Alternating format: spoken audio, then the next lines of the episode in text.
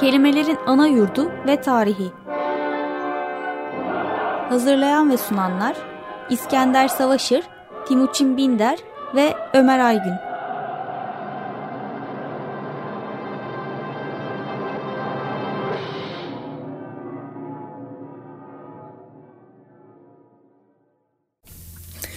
94.9 Açık Radyo Açık Dergi programı devam ediyor. Kelimelerin ana yurdu ve tarihi köşesiyle devam ediyor.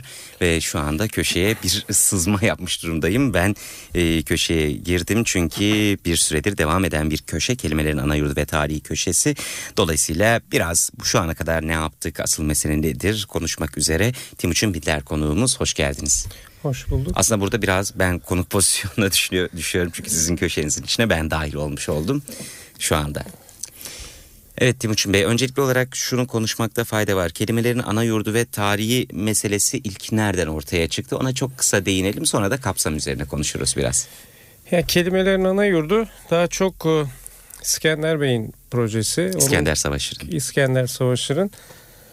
Onun kitabıyla başladı. Yani fikir babası oydu. Bugün aramızda olamadığı bazı evet. e, ailevi nedenlerden ötürü.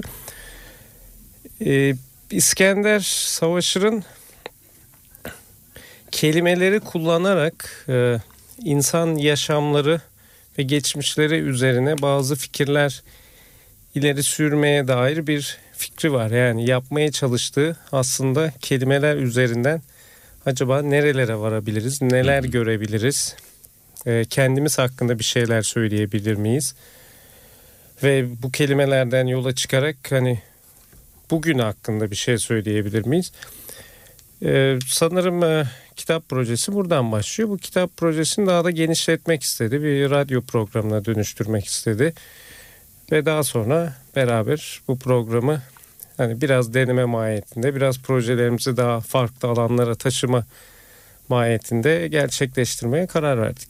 Evet Timuçin Bey biraz bu e, programın yani kelimelerin ana yurdu ve tarihi köşesinin seyrinden, izleyinden bahsedecek olursak e, sabit bir yönteminiz var mı yoksa e, daha bağımsız yani şöyle sorayım da doğrusu bir kronolojik bir derdiniz var mı ya da etimolojik bir derdiniz var mı yoksa tümüyle çağrışımsal bir şekilde mi ilerliyor?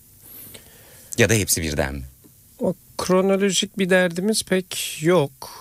Yani kelimeleri biraz aslında gelişi güzel seçiyoruz. Hı hı. Hani bizim e, bizi düşündüren kelimeler üzerinde düşünmeye çalışıyoruz. Böyle ilginç değil ama e, hani hayatın birçok alanına değişik şekillerde ulaşan kelimeleri seçip çıkartmaya e, uğraşıyoruz. Etimolojik kaygımız da aslında çok yok. Aslında sadece Türkçenin sınırları içinde kalmak gibi derdimiz de yok ama genelde öyle oluyor. Yani sonuçta bizim yani her ikimizin de ana dili bu olduğu için ve bu dil üzerine çalışmalarımız biraz daha derin olduğundan genellikle Türkçe içinde kaldık. Bunun dışında yani aslında biraz bu hani hala bir yerlere kendisine oturtmaya çalışan bir proje. Yani hı hı. aslında kelimeler üzerine maalesef çok fazla düşünmüyoruz toplumsal yaşam içinde. Yani bir şekilde kelimeleri hani değişik şekillerde kullanabilir miyiz? Onun arayışı içinde olan bir proje diyebilirim. Yani illa böyle şu kelime şuradan şuradan şuradan geldi anlamları buydu yerine bu kelimeyi daha bir insanla yani kelimeleri insanların yaşamına sokmak gaye aslında. Yani o kelimeleri nasıl canlı yaşayan bir şey olduklarını hissettirerek insanların bir şekilde kelimelerle oynamasını istiyoruz herhalde. Evet bu anlamda şunu da söyleyebilir miyiz? E, takip edebildiğimiz kadarıyla kelimelerin ana yurdu ve tarihi köşesiyle ilgili olarak kelimeler arasındaki çok yüzeyde e, yüzeyden baktığımızda göremediğimiz ama dipte olan akrabalık ilişkilerinde bir anlamda avcılığı da diyebilir miyiz bu meseleye?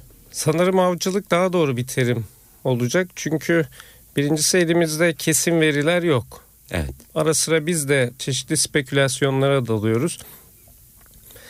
Zaten bu da aslında biraz projenin ruhuna daha çok uyuyor. Yani kelimelerle ilişkiye girmekten bahsettim. Hani bir yerlerde yazılı kesin belirlenmiş bir şeyler yok. Bu konunun uzmanları da aslında birçok şeyi bilmiyorlar. Biz sadece onların bize ulaştıkları verilerden yola çıkarak acaba hangi yönlere gidebiliriz, ilişkiler kurabilir miyiz? Onun üzerinde yoğunlaşmaya çalışıyoruz. Yoksa e, en ilk ilişkilere ulaşmak zaten mümkün değil artık. Hı hı. Yani biz en fazla yani biz elimizdeki veriler en fazla milattan önce sonra 500'lere falan götürebiliyor Türkçe'de. Diğer dillerde Hint Avrupa dillerinde biraz daha geriye gidebiliriz ama yani elimizde yazılı kaynaklar çok az olduğundan insanların bu kelimelerin çoğunu nasıl kullandıklarını bile aslında pek bilmiyoruz. Evet. Burada o yüzden şu... avcılık oluyor biraz evet. bu. Burada sizin e, köşenizle ilgili olarak şöyle de bir gözlemim var. Kö, köşenizin derdi şu değil anladığım kadarıyla.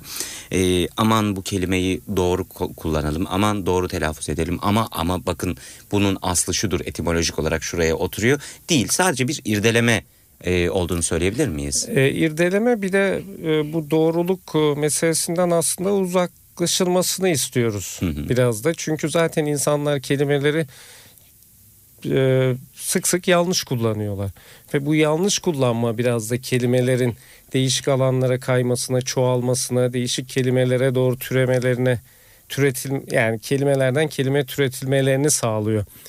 Yani bizim hayatımızda da var. Mesela bazı deyimler mesela karşıdan karşıya geçmek deyimi. Yani düşünecek olursanız aslında olduğunuz yerde durun demek o. Böyle bir de, deyim çıkmış ortaya. Bunun gibi birçok yanlış deyim veya sözcük de var.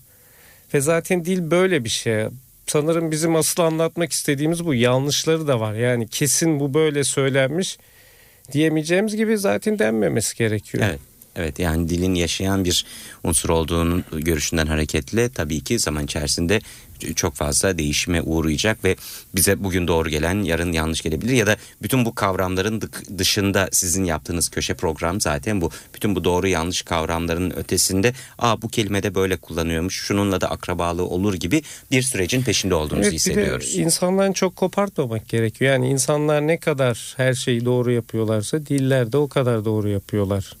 Yani sonuçta dil dediğim şey bizim düşüncelerimizi ifade etmek için kullandığımız çeşitli simgeler, semboller evet. bir tür araç.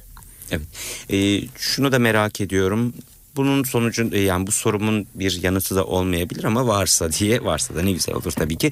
Bu bir kitap projesiyle başladı. Sonra bir radyo programına dönüştü. E, proje olarak kelimelerin ana yurdu ve tarihi proje olarak planladığınız başka bir yere doğru evrilecek mi? Bununla ilgili bir planınız var mı?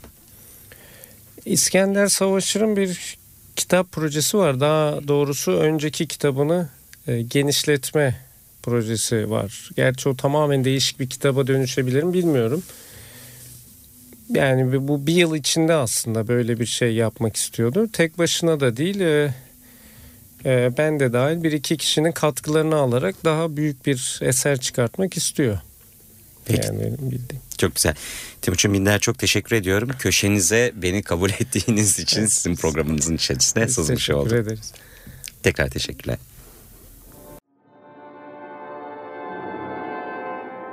Kelimelerin ana yurdu ve tarihi. Hazırlayan ve sunanlar İskender Savaşır, Timuçin Binder ve Ömer Aygün.